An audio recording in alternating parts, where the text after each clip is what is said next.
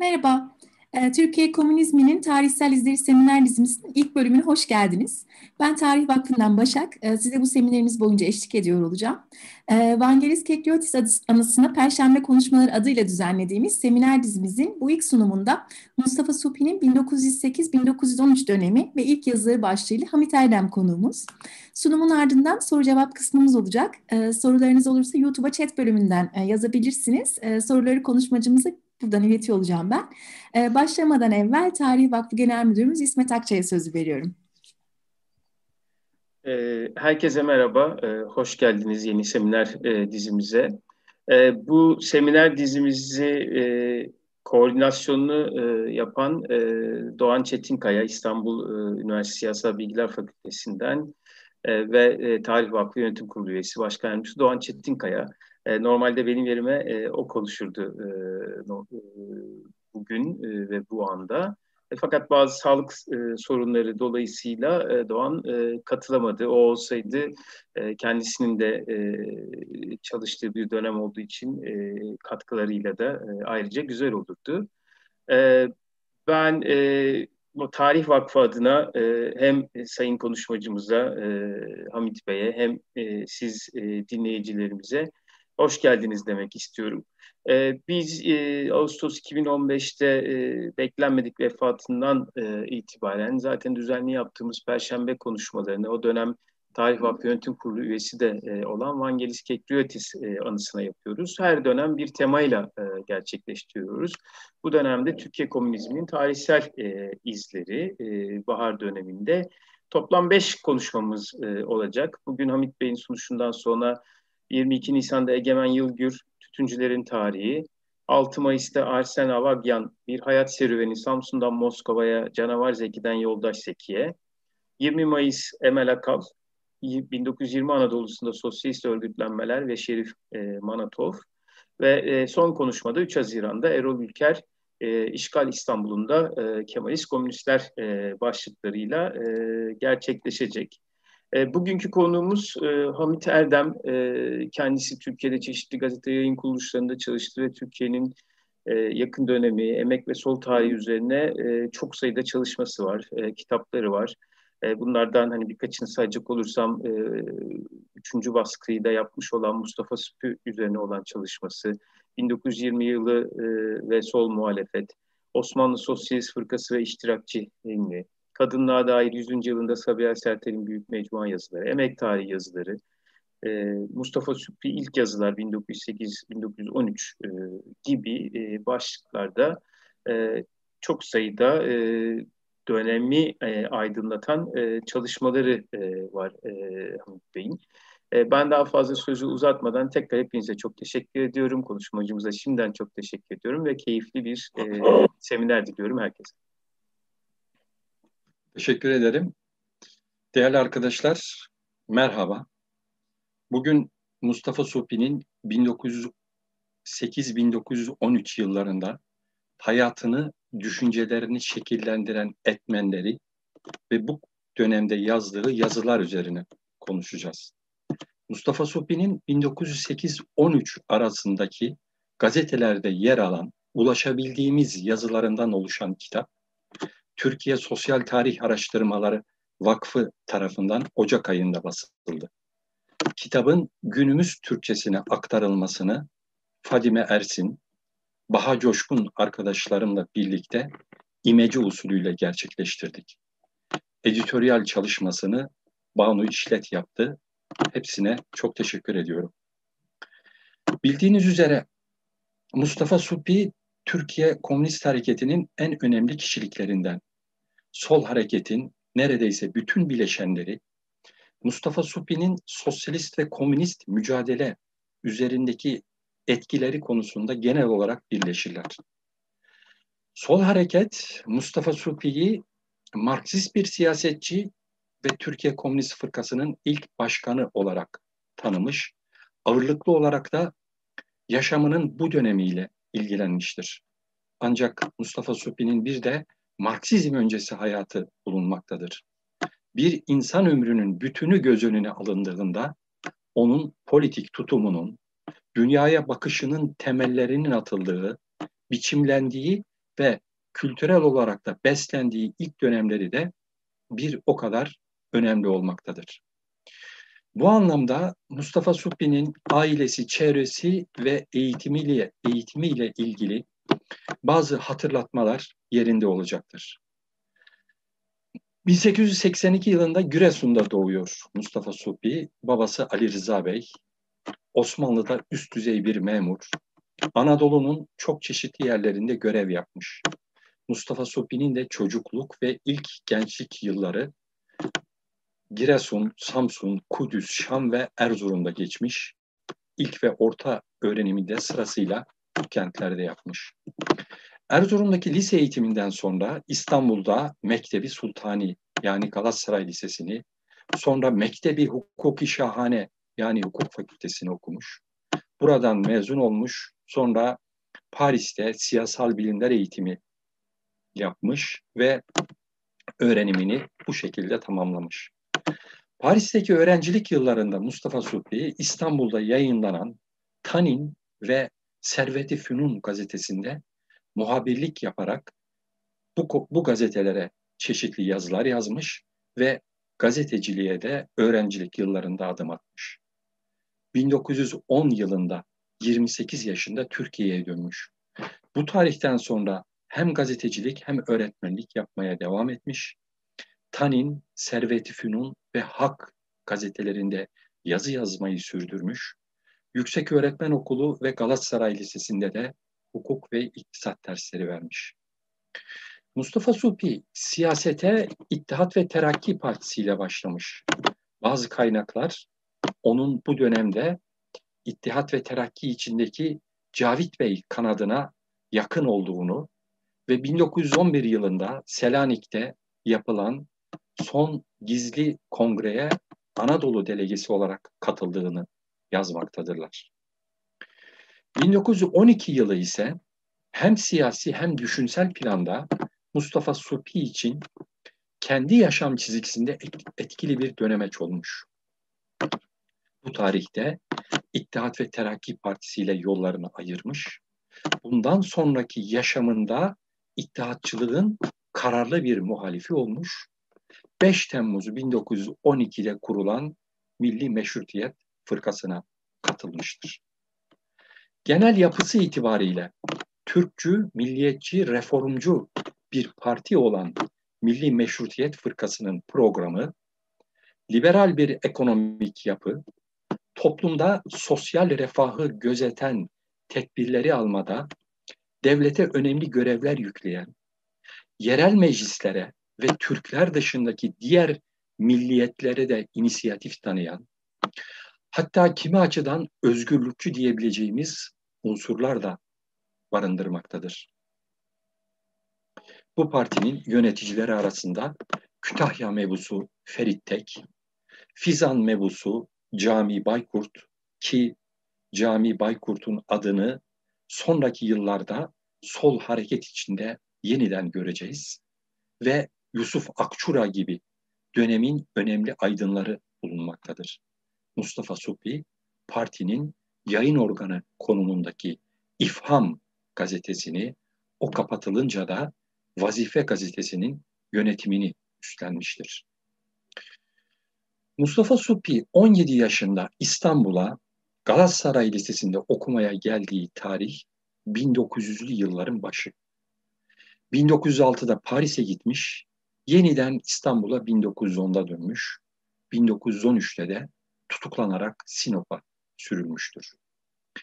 Eğitimini sürdürdüğü ve sözünü ettiğimiz yazılarını yazdığı dönem 1890-1910 yıllarında Osmanlı toplumunun ve Avrupa'nın genel siyasi havası özetle şöyledir.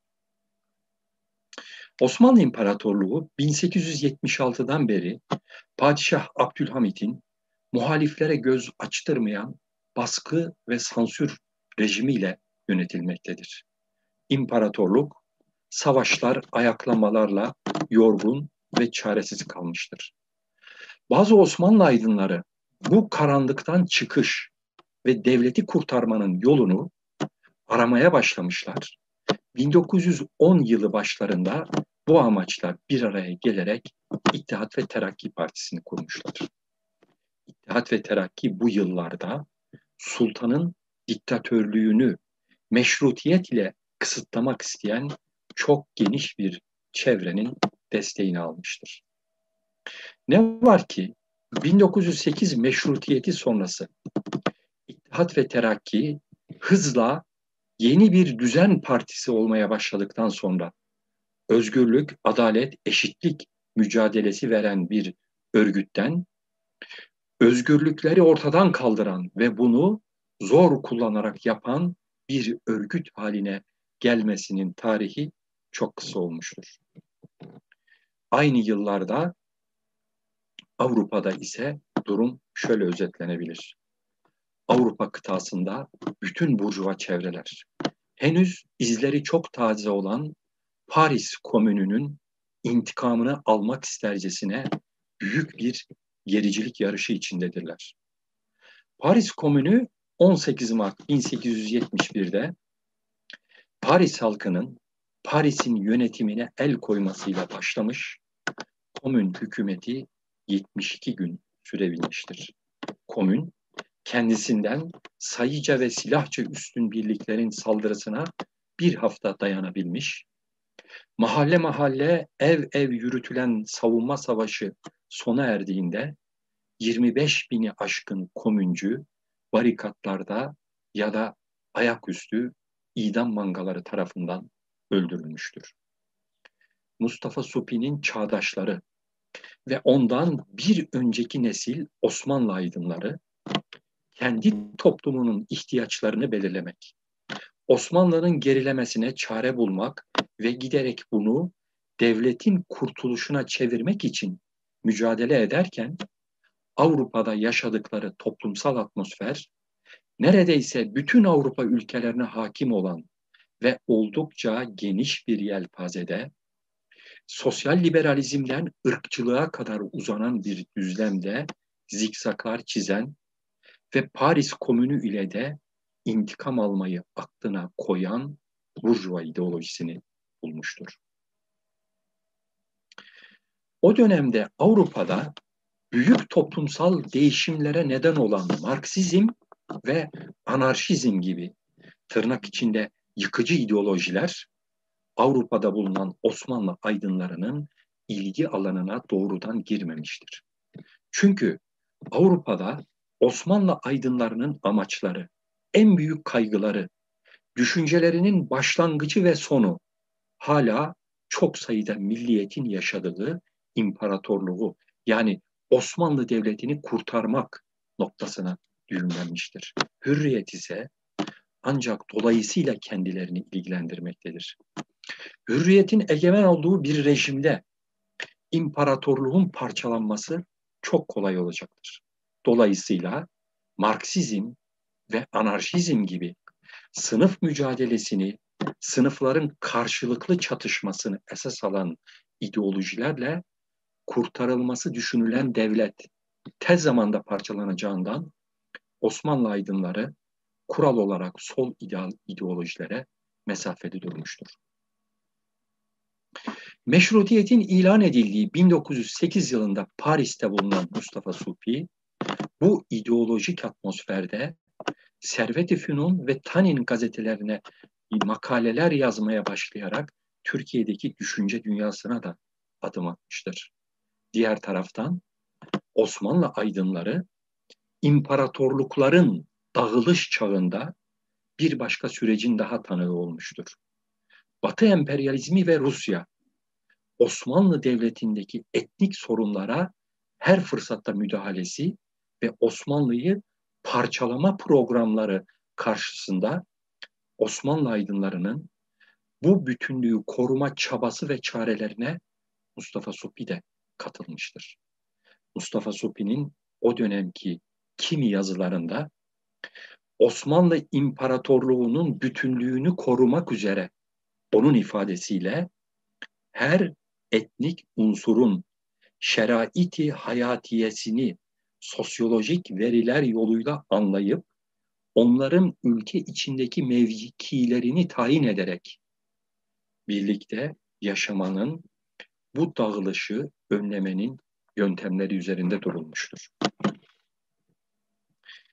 Stalin hakkında bir biyografi yazan İmam Raguza'nın aktardığına göre 1906'da ünlü ittihatçı Ahmet Rıza, Rıza ile Paris'te görüşen Stalin, prensip olarak Türk İmparatorluğu'nun ya da Rus İmparatorluğu'nun bütünlüğüne karşı çıkan her türlü davranış benim gözümde gerici bir davranıştır. Milliyetçilik düşüncelerimizin başarısını geciktirir diyerek İttihatçı Ahmet Rıza'yı ikna etmeye çalışırken henüz Marksist olmayan Mustafa Suphi de Osmanlı İmparatorluğu'nun etnik unsurlara dayalı federatif bir yönetim imkanını sorgulamaktadır. Ancak emperyalist müdahaleler, Banka, Balkanlarda yükselen milli hareketler ve Balkanlarda Osmanlı'dan kopan devletler çoğaldıkça Osmanlı Devleti'nin bütünlüğü de kurtuluşu da giderek gündemden çıkmaya başlamış. Türklük unsuru daha önemli hale gelmiştir. Mustafa Suppi'nin bu ilk dönem yazılarına bir bütün olarak ve yakından bakılırsa Avrupa'daki siyasal gericiliğin ve Türkiye'de giderek vahim bir şekilde yükselen ittihatçılığa dayalı Türk milliyetçiliğinin öne çıkardığı ideolojik yönelimle kendi düşünceleri arasına belirgin bir mesafe koymaya başladığı görülecektir. Bu eğilim olayların seyri hızlandıkça 1908'den 13'e doğru daha belirgin hale gelecek. Dışarıdan emperyalist müdahaleler arttıkça ve içeriden hükümetin baskı politikası sertleştikçe değişecek ve yurtsever demokrat bir eksene oturacaktır. Mustafa Suppi'nin bu yıllarda yazılarından çeviriler yaptığı Celestin Bogle, Durkheimci bir Burjuva sosyoloğudur.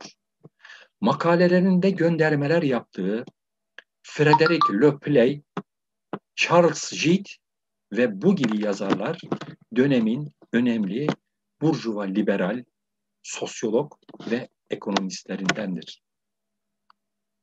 Mustafa Suppi izlediği ve kimi yazılarında da okurlarına tanıttığı Avrupa'nın yakından bildiği Burjuva liberal yazarlara eleştirel bir gözle baktığını da ayrıca yazılarında kaydetmektedir. Örneğin başarı, başarılarını övdüğü Frederick Le Play için Frederick Le Play'nin kıymeti cemiyetin esasları hakkındaki nazariyatından ziyade sosyal hayatı tahkik ve hali hazırda mağdur sınıflara yardım yolunda getirdiği usullerle kendini gösterir. Yoksa felsefede denilebilir ki Leple bir mistiktir diye yazmıştır.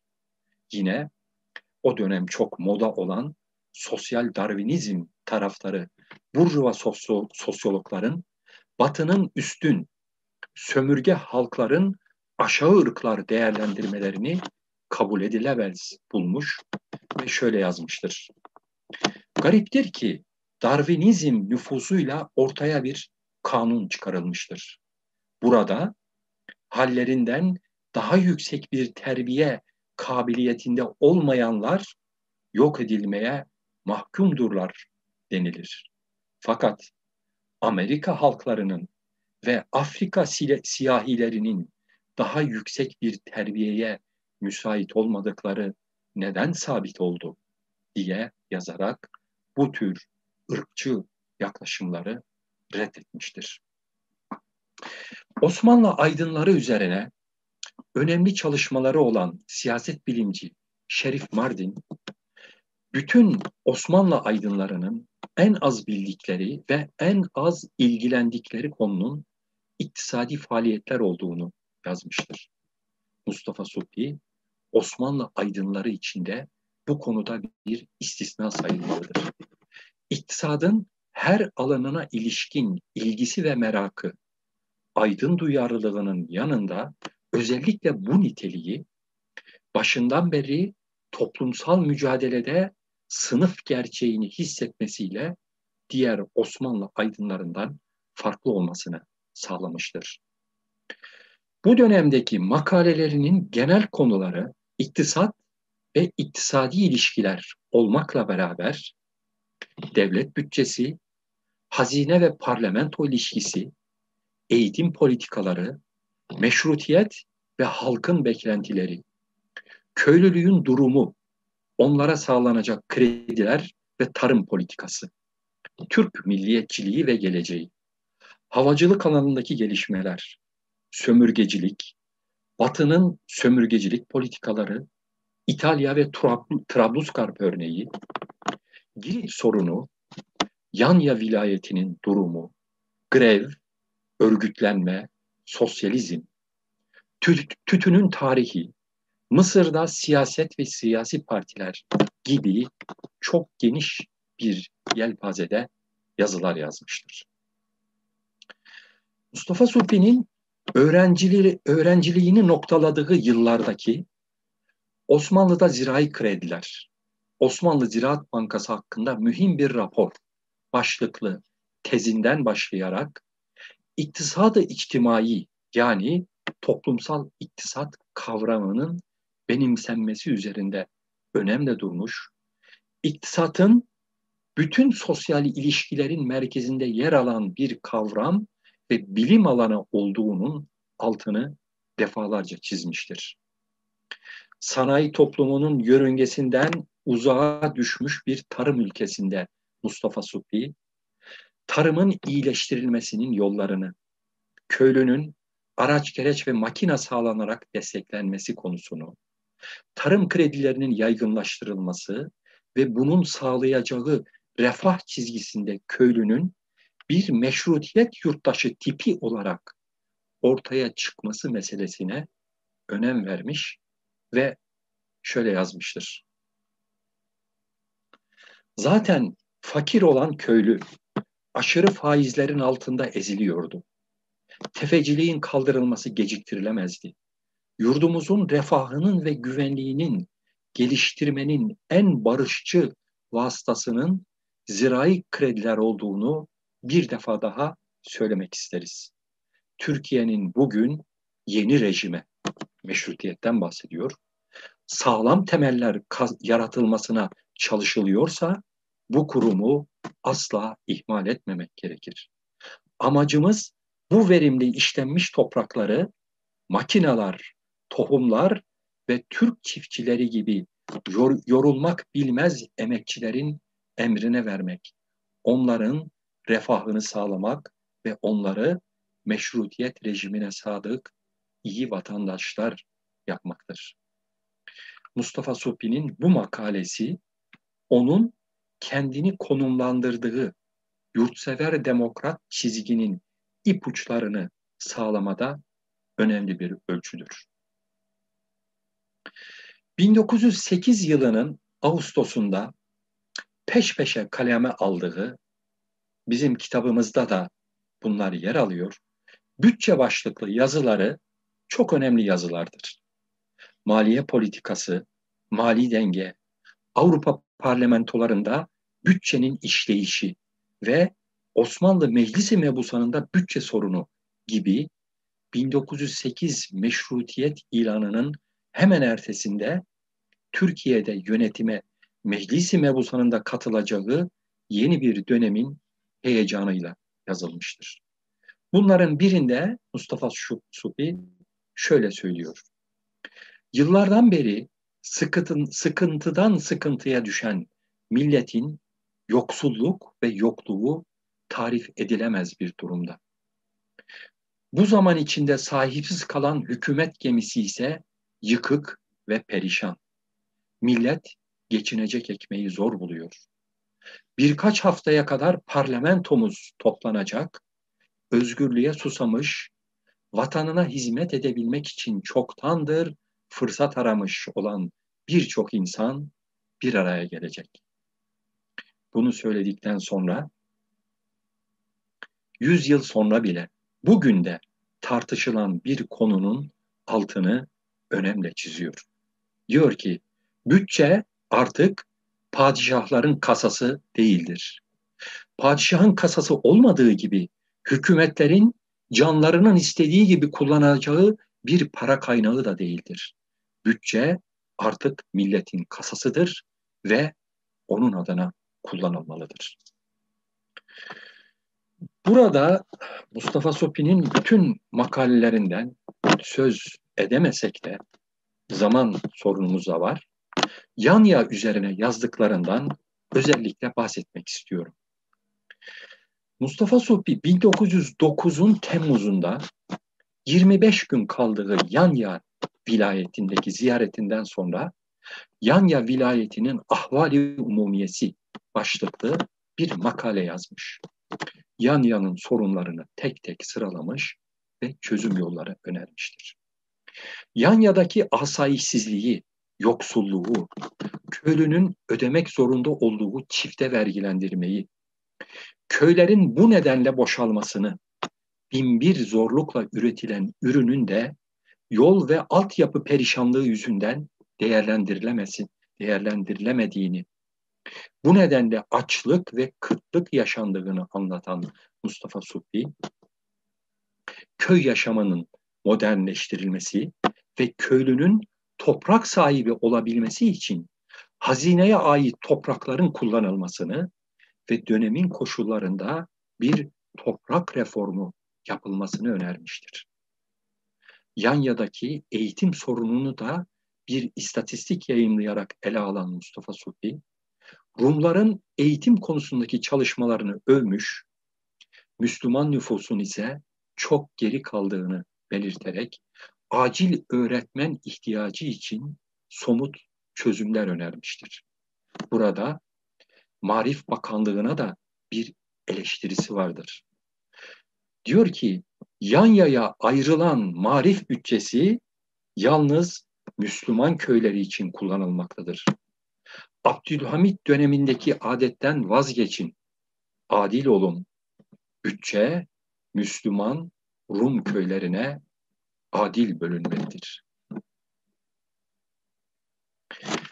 Bu dönemde Mustafa Supi'nin makalelerinde gönderme yaptığı dönemin iktisatçılarının çözümleri, arz ve talebin, sermaye ve emeğin piyasada bulunduğu, buluştuğu liberal bir ekonomidir. Emekçilerin ücret ve yaşam koşullarının iyileştirilmesi için bir sosyal güvence sisteminin geliştirilmesi, özellikle tarımsal alanda çiftçinin güçlendirilmesi için devletin düzenleyici olarak rol alması ve her tür kooperatifçiliğin teşvik edilmesi biçiminde daha insancıl bir kapitalizmi tarif etmektedir. Mustafa Supi, çerçevesini çizmeye çalıştığı toplumsal modeli yazdığı bazı makalelerinde bir adım daha ileri taşımıştır.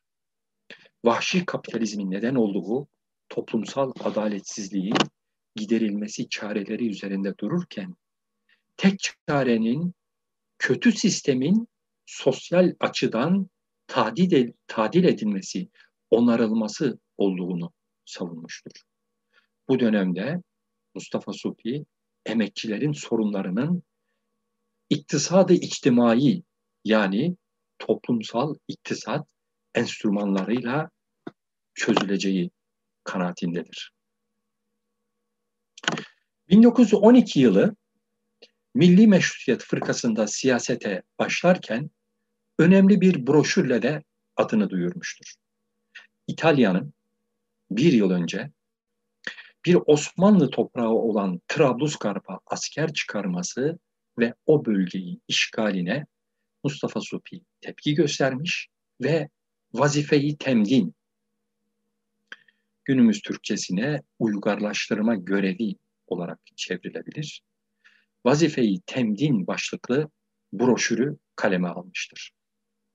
Mustafa Supi vazifeyi temdine uzun bir giriş yazısı yazmış. İnsanlık tarihinde insanların önce avcılık dönemi geçirdiğini, nüfuslarının çoğalması, hayvan varlıklarının artması, toprağı ekmeye, biçmeye biçmeyi öğrendikten sonra ziraatin ilerlediğini, bunun sonucunda yerleşik topluma geçme ihtiyacı duyduklarını, zamanla mal değiş tokuşunun ve ticaretin ortaya çıktığını, önemli ticaret merkezlerinin doğduğunu, doğduğunu Finike, Kartaca ve Yunanlıların büyük ve bakımlı şehirlerle bölgesel etkileri olan devletler kurduklarını, 16. yüzyılda Amerika'nın keşfiyle yeni dünyaya muazzam bir akın olduğunu, büyük göçlerin ve sömürgeleştirme hareketinin bundan sonra hızla arttığını anlatmıştır. Mustafa Supi, Trablusgarp işgalinin altında yatan gerçekleri henüz sosyalist değilken yurtsever bir aydın kafasıyla sömürgeciliğin en kaba ve en kötü örneklerinden biri olduğuna işaret etmiştir. Yalnızca İtalyan işgaliyle ilgili olarak değil, dünyadaki Afrika, Asya, Amerika'daki sömürgeleştirme ve işgallerin yerli halk için acı bir kölelik, sömürgeci yönetimler içinde zalim bir refah olduğunu belirtmiştir. Mustafa Sopi, sömürgeci devletlerin kurduğu sistemin yalnızca ham madde ve mamul mal sirkülasyonundan ibaret olmadığını, mali sermayenin de devreye girdiğini belirtmiş, adına emperyalizm demeden emperyalizm tanımı yapmış ve İngiltere örneğini vermiştir. Bu konuda şöyle yazmıştır. İngiltere şu anda eğer az bir zaman için bile olsa ürettiği mallarını satacak yer bulamazsa demirler altında ezilir, iplik yumakları içinde boğulur. Sonra bu ticaretten sağladığı büyük altın yığınlarını hazinelerde saklamak asrın geldiği bu noktada uygun bir usul değildir. Onları da kullanmak, onları da ticari sirkülasyona sokmak zorundadır. Bu suretle yalnız mal değil, para ticareti içinde yeni yerler bularak yeni sömürge topraklarına ihtiyaç duyacaktır. 1914'te arkadaşlar 1914'te İstanbul'da yayınlanan ulusal yıllık anla, anlamına gelen Nevsalı Milli o yıl için seçilen isimlerden çok sayıda gazeteci, sanatçı, edebiyatçı, yazar ve düşünürün yaşam öyküsüyle birlikte eserlerinden kısa bir bölümün yayınlandığı bir yıllıktır. Nefsali Milli'de Mustafa Supi'nin resmini, yaşamına dair bilgiler ve Türklüğün istikametleri başlıklı bir makalesi yayınlanmıştır.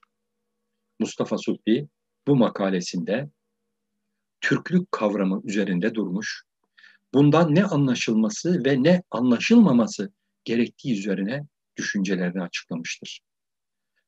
O dönemde oldukça nazik bir konuda düşüncelerini yazarken kendisine çizdiği yurtsever demokrat hattı korumaya özen gösterdiğini görüyoruz.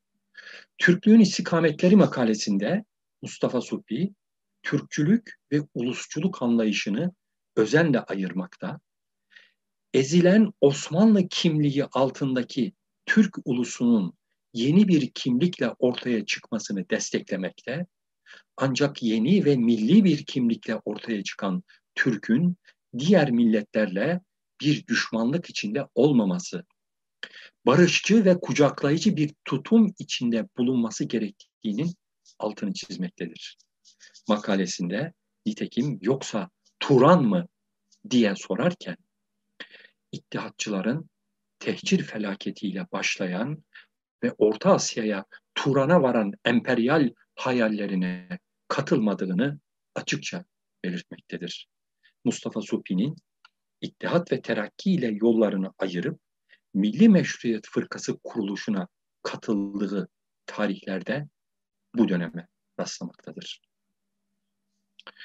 Mustafa Supi'nin bu dönemini yani 1913 ve öncesi dönemini inceleyen kimi Türk ve Sovyet kaynaklar zaman zaman onun sosyalist olduğu ya da Osmanlı Sosyalist Fırkası üyesi olduğunu yazmıştır. Ancak Mustafa Sopi'nin 1913'te Sinop'a sürgün edildiği tarihten önce sosyalist olduğu ya da Osmanlı Sosyalist Fırkası'na girdiğine dair bir kayıt yoktur. Bu döneme ait yazılarında kendisini sosyalist değil, liberal dünyaya yakın görmektedir. Burada burada liberalizm kavramını bizim bugün kullandığımız kavramdan biraz daha farklı kullandıklarını ve düşündüklerini de özellikle belirtmek istiyorum. Aynı yıllarda siyaset yapan Osmanlı Sosyalist Fırkası yönetici, yöneticileri de liberalizmi sosyalizmin bir öncülü ve alt biçimi olarak görmüşlerdir.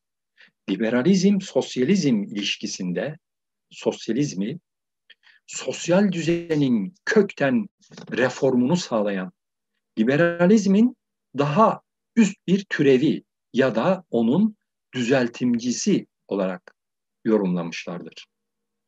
Mustafa Supi bu tarihten 7 yıl sonra 1913'ten 7 yıl sonra Bakü'de çıkardığı Yeni Dünya gazetesinde tarihi vazife başlıklı makalesinde tam da bugünlere değinmiş. Liberalizm, milliyetçilik, sosyalizm arasında zikzaklar çizen ve bir çıkış yolu arayan Osmanlı aydınının düşünsel yapısı üzerine şunları yazmıştır.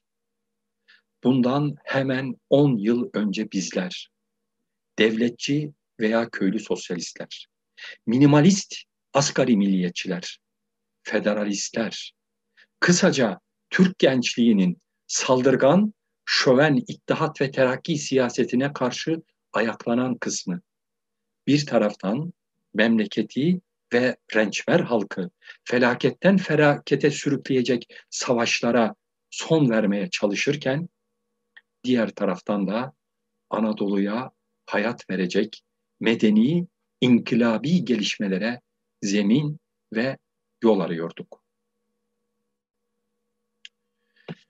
Türkiye'ye 1910'da döndükten sonra siyasal mücadele sürecinde karşılaştığı tablo özellikle 1912 ve sonrasında İttihat ve Terakki'nin diktatörce yönetiminden kaynaklanan endişeleri, alttan alta beslenen anti-emperyalist duyarlılığı, iktisatçı Mustafa Supi'nin ufkuna sosyalist olmadığı halde sosyalizmi ve sosyalistleri yaklaştırmış olma, olmalıdır. Türklüğün istikametleri makalesi arkadaşlar ilk yazılar kitabının da son makalesidir. Bu makaleyi de anarak Mustafa Sopi'nin düşünsel dünyasının 1908-1913 dönemini hızlıca özetlemeyi denedim. Arkadaşlarımızın soruları, katkılarıyla devam edelim. Hocam çok teşekkür ederiz. Ağzınıza sağlık. Ee, Kazar Kemhatçıyan'ın e, bir sorusu var. E, daha doğrusu birkaç sorusu var. Ben onu ileteceğim size. E, Mustafa Sufi'nin e, Yanya dönemine dair bir şeyler anlatabilir misiniz diye soruyor. Ama yani bu ilk sorduğu soruydu. Zaten e, sunumunuzun başında. E, eklemek istediğiniz bir şey olur mu bu soruya? Valla Yanya vilayetiyle ilgili zaten e, Mustafa Supi'nin kitapta oldukça uzun bir makalesi var.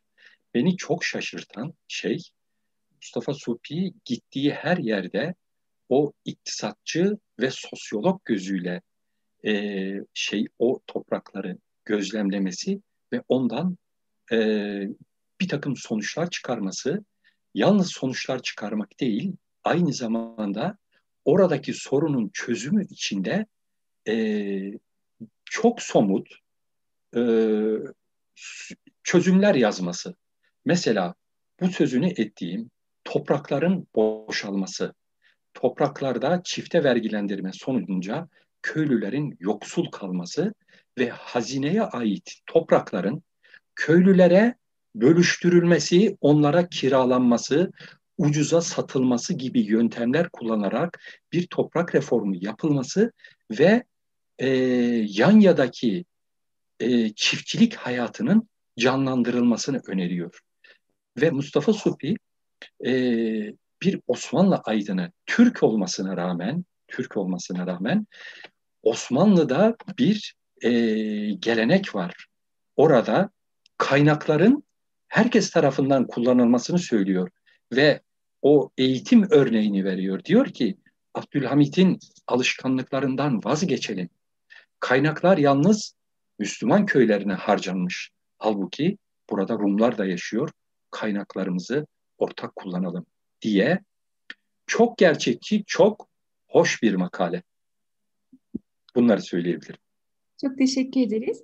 Ee, kendisi daha sonra şunu eklemiş, e, siz konuşmanıza devam ederken. İmam Raguza'nın anlattığı gerçek olamaz. Stalin Londra dönüşü Paris'te yalnız bir hafta kaldı. Raguza Sovyetlerden kaçan birisidir diye bir ekleme yapmış. Ve bir de sorusu var. Bir tane daha. Mustafa Suphi'nin e, sosyal liberalizmini kadet tipi bir liberalizmle ilişkilendirebilir miyiz? Son soruyu bir daha alabilir miyim? e, Mustafa Suphi'nin sosyal liberalizmini kadet tipi bir liberalizmle ilişkilendirebilir miyiz? Anladım. Şimdi Raguza meselesi şöyle, o konuda bir biyografi var. Bir biyografi var. Ee, o biyografide anlattıklarını ben söylüyorum. Raguza e, Stalin ile e, Osmanlı e, ittihatçılarının görüşmelerini anlatıyor orada ve e, bu bana çok enteresan geldi. Yani Stalin e, Paris'te ne zaman bulunmuştur? Onu bilemiyorum. Stalin Paris'te bulunmuş mudur diye ben onu e, baktım. Paris'te bulunmuş. E, ama Ahmet Rıza ile nasıl görüşmüş, ne görüşmüş e, onları bile bilebilecek durumda değilim. Ama bana çok hoş geldi. Stalin'in o dönem Türk İmparatorluğu ve Rus İmparatorluğu'nda milliyetçiliğin öne çıkmasının bizim e, hedeflerimizi daraltacağını söylüyor. Mustafa Supi o dönem Marksist filan değil. Ama Osmanlı İmparatorluğu'nun gerek emperyalizm gerek Rusya tarafından parçalanması düşüncesine karşı Osmanlı'yı oluşturan milletlerin ortak e, devleti olması fikrini önemsiyor ve bunu savunuyor. Ona işaret etmek için ben o alıntıyı yaptım. Mustafa Supi'nin e, şeyi biraz daha farklı. E, tutumu bu dönemde biraz daha farklı. Bir taraftan e, özellikle Milli Meşrutiyet Fırkası dönemi e, bir taraftan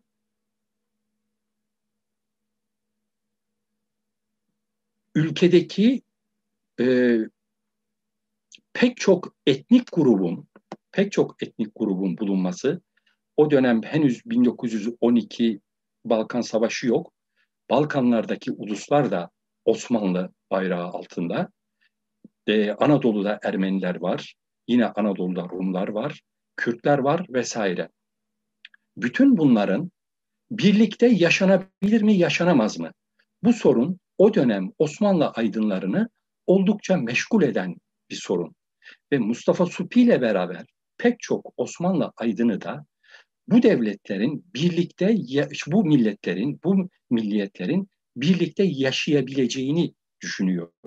Hatta bu burada alıntısını verdiğim ta, e, tarihi vazife makalesinde 10 yıl önce ki tartışmaları gündeme getiriyor ve diyor ki orada kendilerinden bahsediyorlar. Diyor ki bizler devletçiler, köylü sosyalistler, minimalist milliyetçiler, federalistler yani bu projeye destek veren farklı farklı insanlar.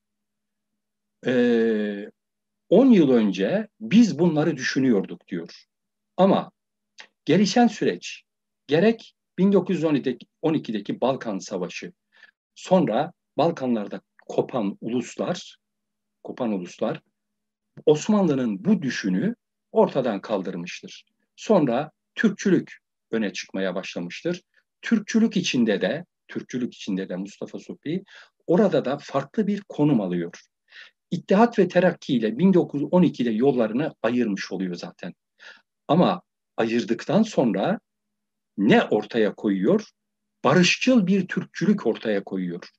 Belki de belki de Bal, e, Balkanlar koptuktan sonra kalan milletlerle birlikte yürüme ihtimali ihtimali hala ihtimal olarak ortada duruyor. Bilmiyorum e, sorunun karşılığı olmuş mudur? Çok teşekkür ederiz hocam. Ee, şu an başka sorumuz yok. Ee, şu anda bir geliyor galiba. Heh, ee, şöyle Yine Kazar Kemaçyan e, eklemiş. Raguza'yı biliyorum. Kitabı da e, La Vie de e, Stalin. Türkçe'de sadece bahsettiğiniz ilgili kısımda dergi çevrildi demiş. Yanılmıyorsam 1968'de. E, Sacit Kutlu e, devam ediyor mu acaba ya da anlayamadım. E, Sacit Bey e, eklerseniz eğer yorumunuza ya da sorunuza. Şu an için bir şey gözükmüyor.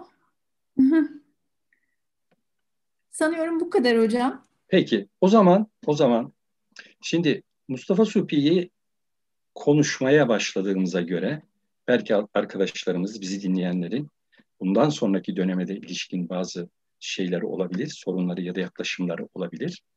Ben e, Mustafa Supi'yi konuştuğumuz bütün forumlarda ya da bu tip toplantılarda her ne kadar 1913 ve öncesini ele alsak da Mustafa Sopi'nin bir de 1913 ve sonrası dönemi var. Ben madem ki Mustafa Sopi'yi konuşuyoruz 1913 ve sonrasına ilişkinde çok kısa bir e, şeyler anlatmak istiyorum. Bundan sonra eğer soru olursa yine oradan alabiliriz. 18 Haziran 1913'te İstanbul'da Mahmut Şevket Paşa'ya düzenlenen suikast Mustafa Sopi'nin yaşamında da yeni bir devri başlatıyor. O dönem suikasti bilip engellemeyen İttihat ve Terakki liberal sosyalist bütün muhalifleri İstanbul'dan uzaklaştırıyor. Mustafa Supi ile Sinop'a sürülen muhalifler arasındadır.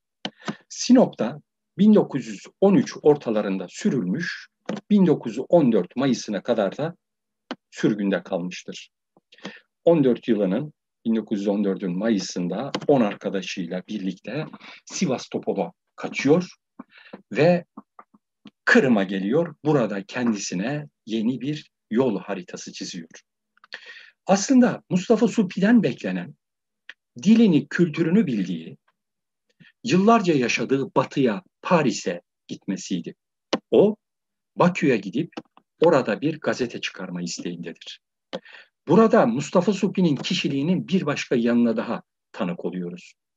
Anti-emperyalizm duyarlılığı, ittihatçı terörüne karşı özgürlük arayışı, Türkiye'den kopmamak arzusu, İstanbul'dan da tanıdığı Yusuf Akçura vasıtasıyla Tatar aydınlanmasını yakından tanımak arzusu. Onu Paris'e değil, hiç tanımadığı Bakü'ye yöneltmiştir. Bakü'de birkaç ay kalabilmiş Mustafa Supi ve burada çıkan İkbal ve Basiret gazetelerinde de yedi makalesi yayınlanmıştır. Bunların birinde ya da ilkinden, ilkinin başlığı Türkiye'nin menfaat ve selameti adını taşımaktadır. Mustafa Supi bu makalesinde Almanya ile Rusya arasında yakında çıkacak olan savaşın Türkiye için felaketle sonuçlanabileceğini yazmış. Bu neden bu nedenle de Türkiye'nin her iki paktada katılmamasını, mümkün olduğu kadar tarafsız kalmasını ve barışı uzatması gerektiğini savunmuştur.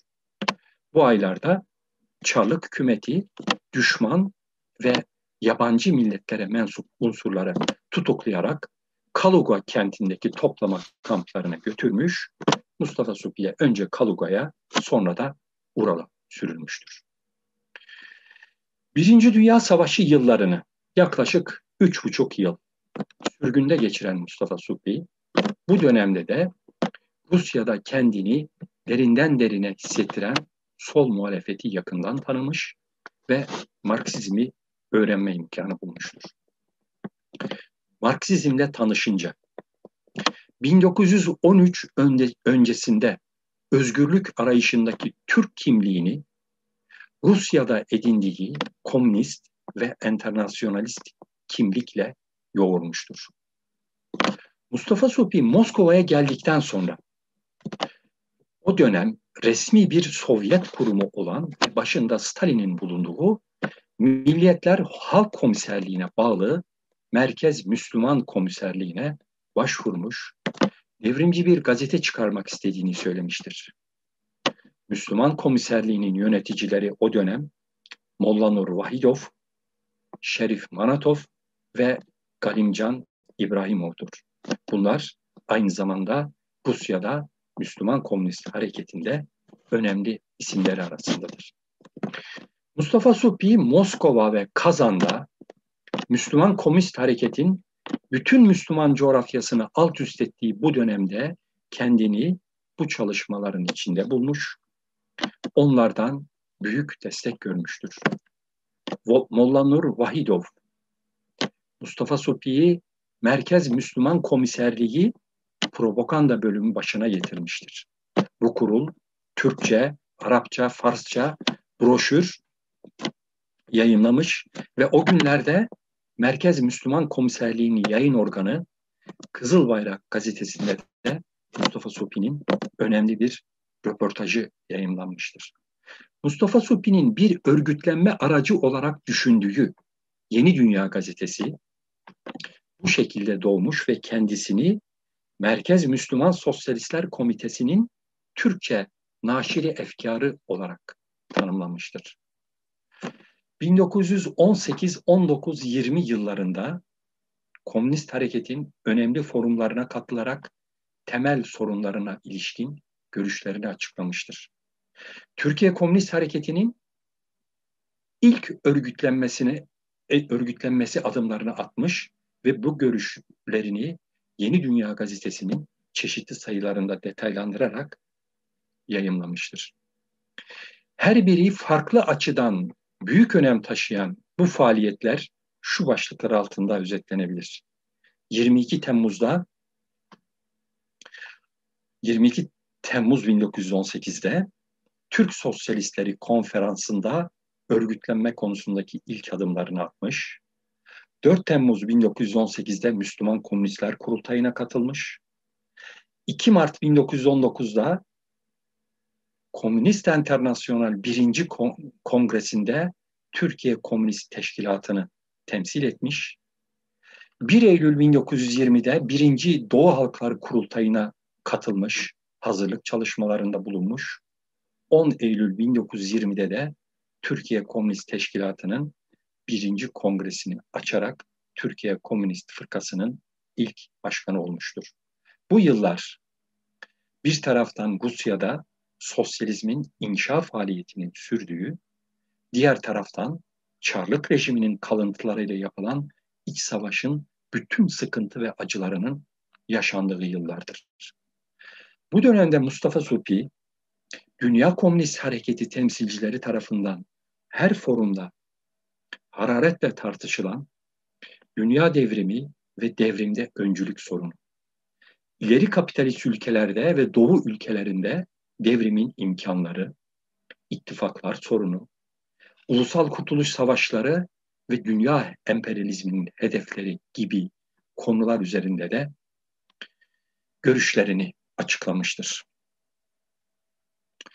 Burada bu, bu süreçte bu süreçte Mustafa Supi'nin Komünist Enternasyonel'de bazı teklifleri ve uyarıları olmuştur. Bunları da şu şekilde özetlemek istiyorum. Komünist Enternasyonel'in bir doğu programı yoktur. Bu program ivedilikle oluşturulmalıdır. Emperyalizmin başı Avrupa ve Amerika'da ise kökleri Asya ve Afrika'dadır. O halde dünya devriminin kaderi doğrudan doğruya bu kökün kesilmesine bağlıdır ve mesele doğuyu ayaklandıracak devrimci bir teşkilat yaratmaktır. Eğer Müslüman ülkelerin proletaryası zamanında devrimcileştirilemezse, dünya emperyalizmi onları uluslararası sosyal devrimin gelişmesine karşı kullanacak ve sosyalist devrimle savaşı Müslüman topraklarından yürütecektir. Doğu şimdiye kadar ihmal edildi. Komünist Enternasyonal ve Bolşevikler Doğu'ya layık olduğu önemi vermedi şeklindedir. Mustafa Supi'nin bu süreçte Komintern'e en büyük eleştirilerinden biri de Enver Paşa'nın Bolşeviklerce Moskova'da ağırlanması, Paşa'nın Doğu Halkları Kurultayı'na katılmasının sağlanması ve Komintern'in Enver Paşa üzerinden politika yapmasıdır. Mustafa Supi ve Türkiye Komünist Teşkilatı Bakü, Bakü kurultayında Osmanlı'nın bu eski paşasının kurultaya katılımını açıkça protesto etmiş ve Komintern yönetimiyle ters düşmüştür. 1913'ten beri, başından beri yaptıklarımı, yaz söylediklerimi çok kısa olarak toparlarsam. Mustafa Supi'nin 1908-1913 yıllarındaki makaleleri ve faaliyetleri onun siyasi arayışının ipuçlarını vermekte. Marksizm öncesi dönemindeki ilgi, merak ve eğilimlerini ortaya koyarak liberal, yurtsever, demokrat Mustafa Supi'den komünist Mustafa Supi'ye uzanan yaşamının ilk dönemine tanıklık etmektedir. Mustafa Supi bir Osmanlı aydınıdır. Arapça, Farsça, Fransızca ve Türkçe'ye hakim olarak Doğu'nun büyük düşünürlerini Ömer Hayyam'ı, Sadi Şirazi'yi ve Şeyh Bedreddin'i, Batı'dan da önce liberal iktisatçıları, ütopik sosyalistleri ve Karl Marx'ı okumuştur.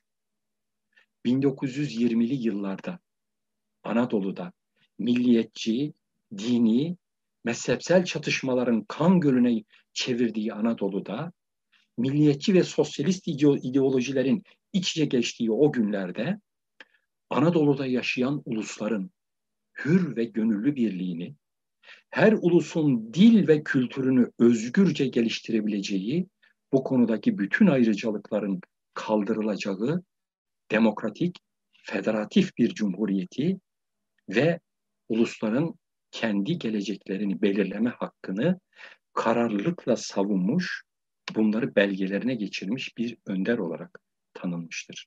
Denilebilir ki yaşamının ilk dönemlerine de dönemlerini de artık yakından bildiğimiz, bildiğimiz Mustafa Supi ile beraber o komünist kuşağın yok edilmesiyle yalnızca Türkiye sol ve komünist hareketi değil, genel olarak Türkiye kaybetmiştir.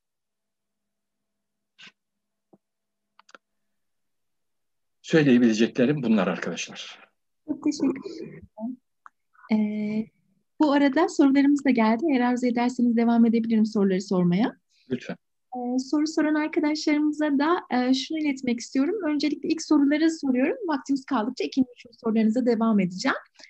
Ee, Nalan Gürcan Kemper, e, Mustafa Kemal Atatürk'ün onun üzerine düşüncesi nedir diye soruyor. Mustafa Kemal Atatürk'ün e, onun üzerine düşüncesi şöyle. Mustafa Supi Anadolu'ya ge, e, gelme hazırlıkları yaptığı sırada Bakü'deyken Mustafa e, Mustafa Kemal Paşa ve Anadolu Hareketi ile çeşitli e, vesilelerle görüşüyor ve mektuplaşıyor. Ve Bakü'de kongrelerini yaptıktan sonra parti faaliyetini Anadolu'ya nakletmek istiyor. Bu amaçla görüşüyorlar. Mustafa Kemal Paşa önce e, Türkiye komünistlerinin Anadolu'ya gelmesini yazdığı mektubuyla kabul edip e, Eylül 1920 Eylül'ü ve e, Eylül ayı civarında e, bu kabulünü iptal ediyor e, Mustafa Kemal Paşa ve e, hükümet komünistlerin Mustafa Supi'nin ve Türkiye Komünist Teşkilatı'nın Anadolu'ya gelmesini istemiyor ve kabul etmiyor. Daha sonra da 1920 yılının sonuna doğru da Mustafa Kemal Paşa'nın oluru ve ona onayıyla Türkiye Komünist hareketine karşı bir e, operasyon yapılıyor. Gerek o dönem Ankara'da bulunan Türkiye Halk İştirakiyun Fırkası ve gerek Çerkez Ethem kuvvetlerine karşı yapılan operasyonlar ile Mustafa Supi ve ekibinin Bakü'den Türkiye'ye gelişi sırasındaki onlara karşı yapılan operasyon aşağı yukarı aynı haftalarda oluyor.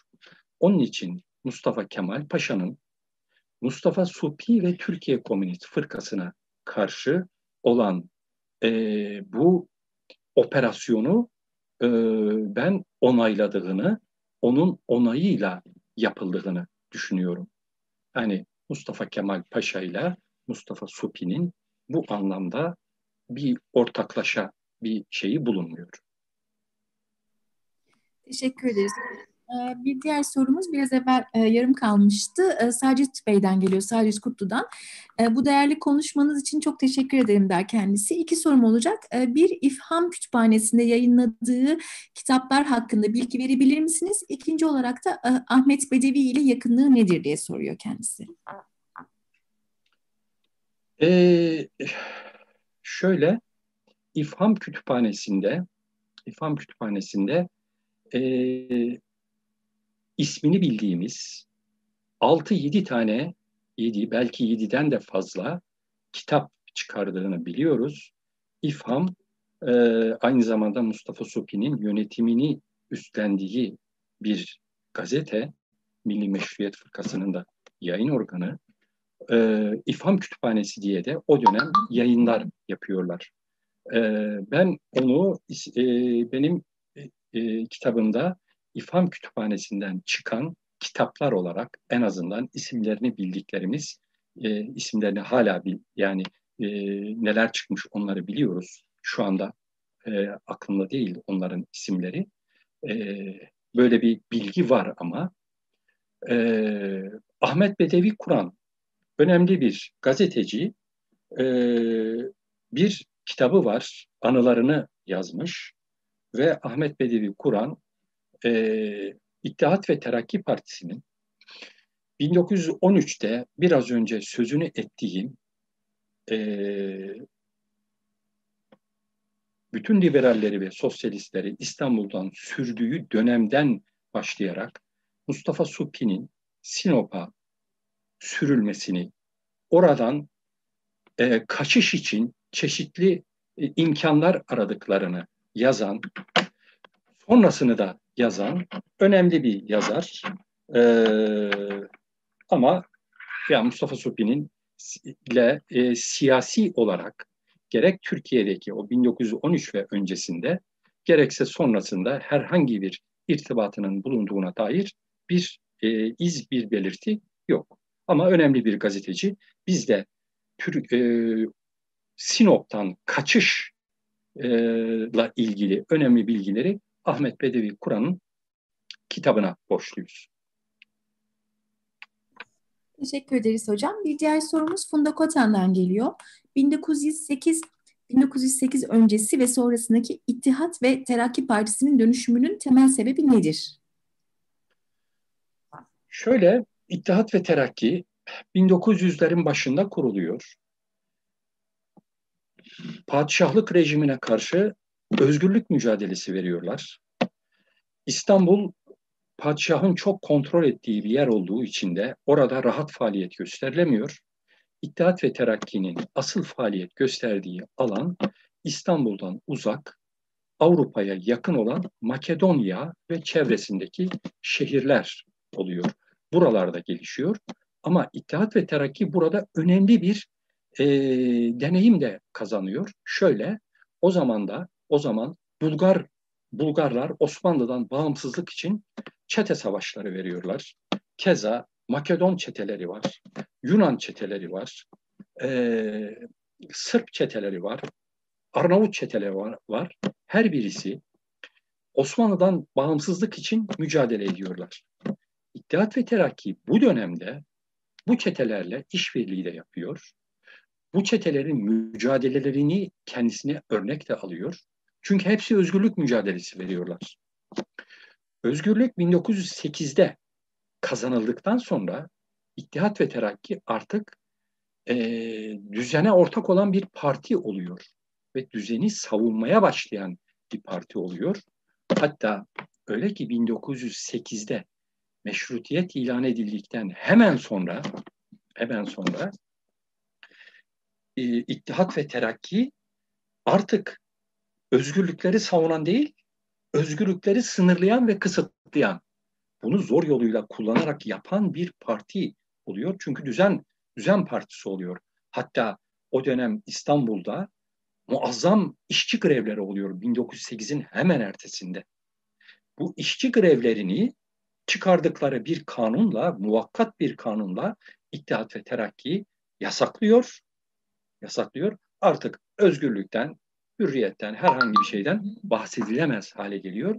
İşte 1912'de Mustafa Supi'nin çevresindeki insanlarla birlikte İttihat Terakki'den ayrıldıkları, İttihat ve Terakki'ye karşı mücadele edildikleri e, dönemde bu dönem oluyor.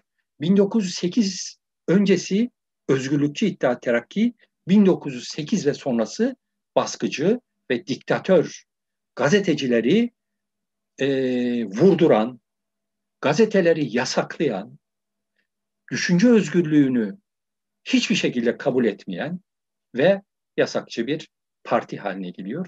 Temel ölçüyü bu şekilde ortaya koyabiliriz. Sağ olun hocam. Ee, şimdiki sorumuz Prometheus'un Zinciri isimli kullanıcıdan. Ee, hocam Supiler'in e, Türkiye'ye dönüşündeki önemli bir aşama olan Stalin ile görüşmeleri hakkında neler söyleyebilirsiniz diye soruyor. Şöyle söyleyebiliriz. Ee, Mustafa Supi ve Türkiye Komünist Fırkası 10 Eylül'de 10-15 Eylül arasında kongrelerini yapıyorlar. Program ortaya koyuyorlar.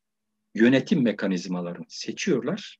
Sonra Türkiye'ye gelme fikrini ortaya koyuyorlar. Parti bu konuda karar alıyor ve Türkiye'ye gelmek için Türkiye ile ilgili iletişime başlıyorlar. Gidince ne yapacağız? Nasıl gideceğiz diye. Tabii Türkiye Komünist Fırkası o dönem Komünist Enternasyonali bir üyesi. Komünist Enternasyonal şöyle söyleyebilirim bir dünya partisidir. Komünist Enternasyonal Dünya Partisi bütün ülkelerin komünist partileri bu Dünya Partisi'nin alt seksiyonlarıdır. Türkiye Komünist Partisi gibi, Rusya Komünist Partisi, İran Komünist Partisi hepsi bunlar ulusal seksiyonlar şeklindedir. Böyle bir örgütlenme var o dönem. Türkiye Komünist Fırkası gelmek için Komünist Enternasyonal'le de görüşüyor. Komünist Enternasyonal Komünist Enternasyonal'in bir örgütlenmesi var. Merkezi Moskova'da, Bakü'de da Doğu Şurası diye Doğu ülkelerinin bağlı olduğu bir teşkilat Doğu Şurası. Doğu Şurası'yla görüşüyor. Doğu Şurası'nın başı, başında önemli Bolşeviklerden Stasova yoldaş var. Stasova ile Mustafa Sopi çeşitli zamanlarda görüşüyorlar. Stasova o zaman e, bu görüşmelerinin sonunda e, Türkiye'ye Türkiye'deki devrimci hareketin örgütlenmesi için Komünist Enternasyonal'in Türkiye komünistlerine verdiği e, mali desteği, desteğin e, miktarı konusunda bir sorun çıkıyor. Ve bir süre Komünist Enternasyonal'in Bakü, Bakü'de bulunan Doğu Şurası Türkiye komünistlerinin Türkiye'ye dönüşünü ertelenmesini istiyor. Ama Türkiye Komünist Fırkası özellikle de Mustafa Supi Türkiye'ye bir an önce dönme taraftarılar. Bakü'deki Bakü'deki Şark Şurası'yla Mustafa Supi sorunu çözemeyince o zaman Moskova'ya Komünist Enternasyonel'in merkezine yöneliyor ve orada görüşmeler yapıyor. Görüşmeleri Stalin'le yapıyorlar. Stalin Bakü'ye geliyor. Bakü'de Mustafa Supi ve Türkiye Komünist Fırkası görüşüyor. Ee, Şark Şurası'nın gitmenizi erteleyin e, talebi iptal ediliyor. Stalin ve Komünist Enternasyonel tarafından ve Türkiye Komünist Fırkası'nın Türkiye'ye gelişinin yolu bu şekilde alışıyor, açılıyor. Stalin'le olan son görüşme bildiğim kadarıyla bu görüşmedir.